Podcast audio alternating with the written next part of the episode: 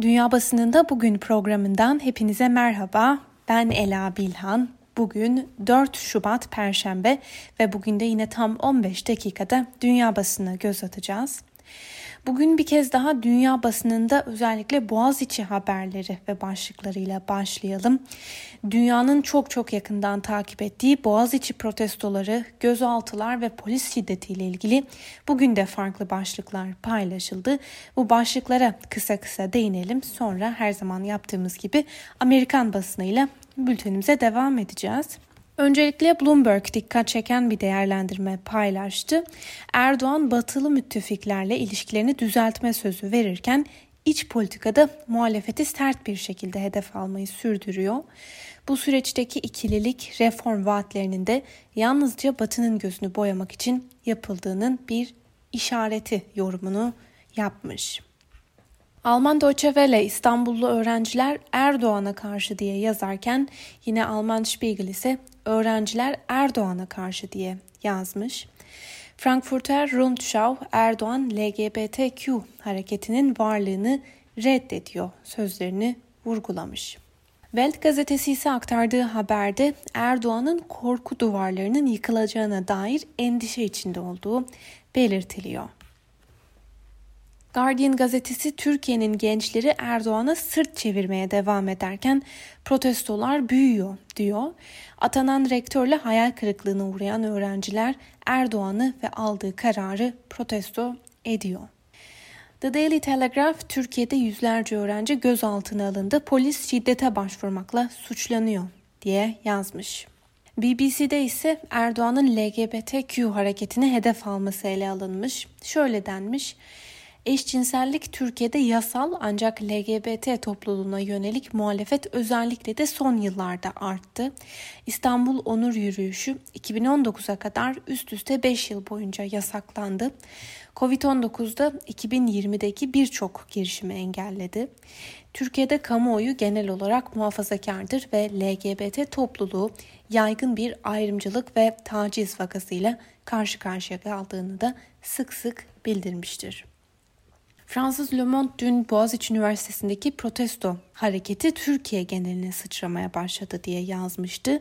Buna karşılık Le Figaro ise üniversitelerde özgürlük kavramının ağır bir darbe aldığını dile getirmiş. Fransa 24 sitesindeki haberde Cumhurbaşkanı Erdoğan'ın öğrenci protestolarının ardından Türkiye'deki LGBTİ hareketini kırıp dökmekle suçlandığına dair sözlerine yer veriliyor. Fransız haber ajansı AFP'ye dayandırılan haberde Erdoğan'ın AKP gençlik kollarına yönelik konuşmasından gençliği LGBT gençliği değil bu milletin şanlı tarihindeki gençlik olarak geleceğe taşıyacakları ifadelerine yer verilerek siz kıran döken gençlik değil tam aksine kırılan dökülen o kalpleri ayağa kaldırılan gençliksiniz sözleri aktarılmış ve haberde ayrıca gösterilerin 2013 yılındaki Gezi Parkı protestolarına benzetilmesine de dikkat çekiliyor. Erdoğan'ın yaptığı konuşmada öğrencilerin gösterilerine katılanlar için terörist dediği de hatırlatılmış. Boğaz içine ilişkin aktardığımız bu haber ve başlıkların ardından bültenimize her zaman yaptığımız gibi Amerikan basınıyla devam edelim. Dün Amerikan basınından aktardığımız haberlerde Cumhuriyetçiler arasında ciddi bir parti içi kriz yaşandığını dile getirmiştik. Neydi bu haber? ABD Temsilciler Meclisi'nin Cumhuriyetçi kanadı kendi içinde hesaplaştığı bir sürece girdi. Trump'ın Beyaz Saray'dan ayrılmasından bu yana ileriye doğru bir yol çizmeye çalışan bir parti içinde tartışmalara neden olan iki ayrı kutbu temsil eden iki kadın cumhuriyetçi dün partiden yükselen cezalandırılmalılar çağrılarıyla karşı karşıya kaldılar. Amerikan basını bu iki kadının ayrı gerekçelerle cezalandırılmasının öngörüldüğünü söylüyordu fakat öyle olmadı. Meclisteki en güçlü üçüncü isim olarak kabul edilen Cumhuriyetçi Liz Cheney dünkü eleştirileri geri püskürtmeyi başarmışken liderlik görevini de korudu. Cheney azil soruşturmasında Trump'ın suçlu bulunması yönünde oy kullanacağını söyledikten sonra partideki Trump yanlıları Cheney'e bir cephe almıştı.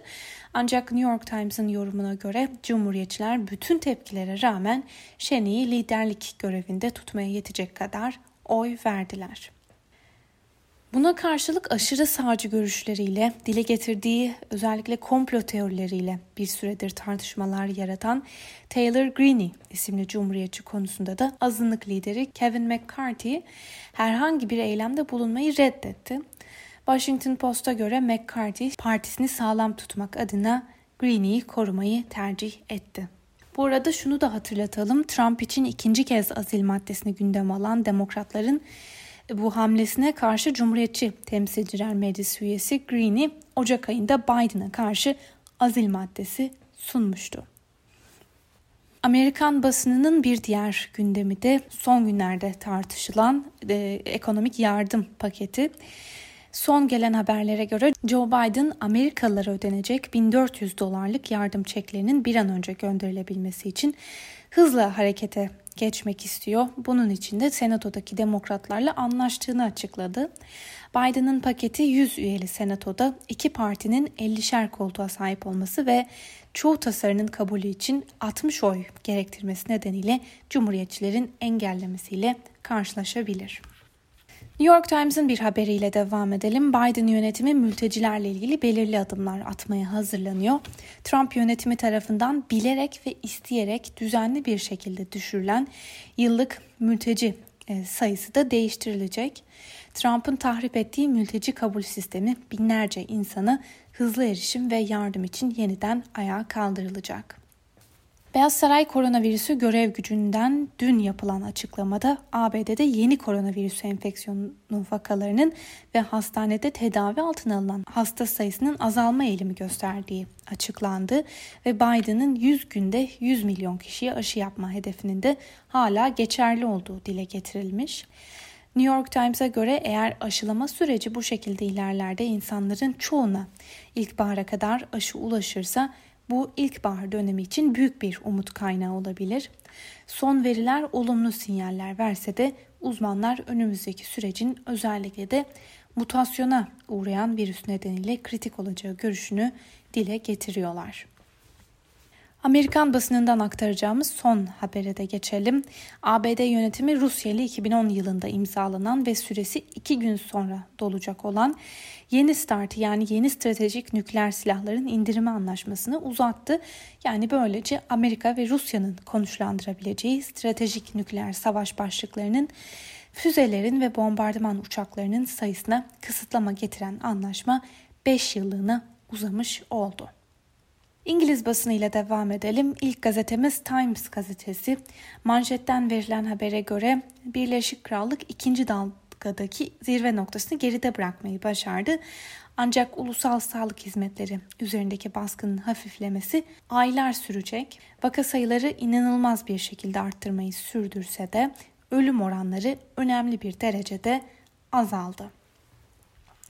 Ay gazetesinin manşetine de göz atalım. İngiltere 10 milyon doz aşı yapmayı başardı ve bu ülke için bir dönüm noktası diyor The Ay gazetesi bugün. Habere göre nüfusun %15'ine tekabül eden bu sayıya ulaşmak tam 57 gün sürdü.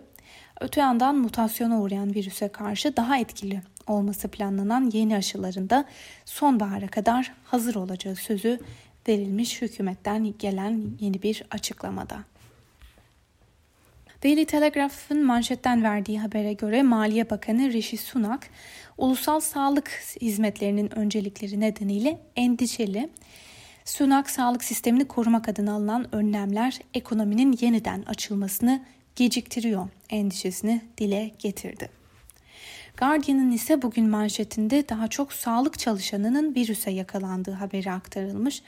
Ayrıca önemli bir haber daha var. Gazete diyor ki Keir Starmer liderliğindeki İşçi Partisi 2019 seçimlerinde Boris Johnson'ın Muhafazakar Parti'ye kaybettiği kalelerini geri almak için yeni bir strateji geliştirmeye başladı. Gazetesinin sızan bir rapora dayandırdığı haberine göre İşçi Partisi önümüzdeki süreçte bayrak ve gazi figürlerini ve söylemini daha çok kullanmayı planlıyor. Alman Die Welt gazetesinin manşetinde bugün bir hükümet danışmanının şu sözleri yer alıyor. Almanya'nın çevreci yeşil elektrik hedefleri gerçekçi değil.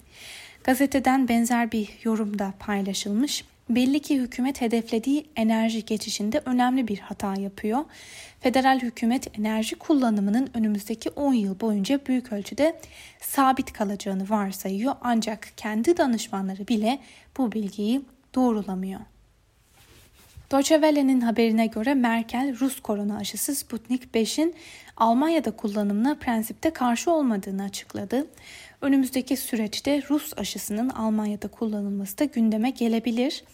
Öbür taraftan Merkel'in izlediği strateji muhalefet partilerince yoğun bir biçimde eleştirilmeye devam ediyor. Bu arada dün yine Alman basınından Frankfurter Rundschau Türkiye'yi yakından ilgilendiren bir köşe yazısı paylaşmıştı. Savunma Bakanı Hulusi Akar'ın Berlin ziyaretinin ele alındığı bu yazının satır başlarına göz atalım. Türk gemilerinin Akdeniz sularından geri çekilmesi, görüşmelere yeniden başlanması ve Savunma Bakanı Akar'ın Berlin ziyareti Ankara'da yeni yılla başlayan dış politika değişikliğinin bir parçası. Erdoğan 12 Ocak'ta büyükelçilerle bir araya gelerek Avrupa Birliği ile ilişkileri rayına oturtmak istediğini söylemişti. Dışişleri Bakanı Mevlüt Çavuşoğlu da önceki günlerde Brüksel'deydi. Tüm bu gelişmelerin karşısında Türkiye Avrupa Birliği'ne mülteci anlaşmasının uzatılmasını teklif edebilir. Kısa bir süre önce Avrupa'yı çürümüş bir kıta olarak nitelendiren Erdoğan'ın cazibesi nedir? Gözlemciler süreci Erdoğan'ın fikir değiştirmesi olarak değil, siyasi bir manevra olarak değerlendiriyor. İç politikada baskı altında olan Erdoğan, S-400'ler nedeniyle yaptırımlarla karşı karşıya. Hem yeni Amerikan yönetimi hem de AB ile iyi geçinmek zorunda. Erdoğan'ın benimsediği çatışma odaklı politika Türkiye'yi izole etmekle kalmadı. Erdoğan'ın İslami Muhafazakar Partisi AKP özellikle şehirlerdeki genç Türkler arasında sempatisini büyük oranda kaybetti. Bu sadece kamuoyu yoklamalarında değil AKP'nin ülkenin en büyük 6 şehrinden 5'ini muhalefete kaptırdığı 2019 yerel seçimlerinin sonuçlarında da kendini gösterdi denilmiş Frankfurter Rundschau'un köşe yazısında. İtalya'da dün gündeme gelen bir haberle devam edelim. Hatırlayacaksınızdır İtalya'da Giuseppe Conte Başkan, Başbakanlığındaki Merkez Sol hükümeti geçtiğimiz hafta istifasını sunmuş ve ardından gerçekleştirilen müzakerelerde siyasi partiler yeni bir hükümet üzerinde anlaşma sağlayamamıştı. Korona krizi sırasında erken seçime gidilmesini istemeyen Mattarella ise dün siyasi partilere kurulacak olan teknokrat bir hükümetine destek vermeleri çağrısı yapmıştı. Son olarak Avrupa Merkez Bankası'nın eski başkanı olan Mario Draghi, İtalya Cumhurbaşkanı tarafından hükümeti kurmakla görevlendirildi. Draghi'nin bir teknokrat hükümeti kurması bekleniyor. Krizleri çözmesiyle tanındığı için de Süper Mario lakaplı siyasetçi teklifi kabul etti diye yazdı dün birçok gazete. İtalyan basınından La Repubblica süreci umut anı olarak değerlendiriyor.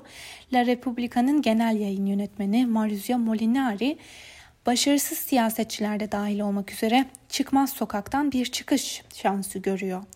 Bu süreçle beraber Yaşananlar çok trajik. 88 bini aşan ölü, çökmüş bir ekonomi, yüz binlerce iflas etmiş şirket, işini kaybetme tehlikesi yaşayan milyonlarca çalışan ve hala Avrupa Komisyonu'na verilemeyen bir kurtarma planı, siyasi sistem karşılıklı vetoların bataklığından kurtulmayı başaramadı. Bu yüzden Draghi'yi bir fırsat olarak değerlendirmeliyiz diye yazmış. Fransız Le Monde'un en önemli gündemlerinden biri ABD'de Cumhuriyetçilerin yaşadığı parti içi bir kriz.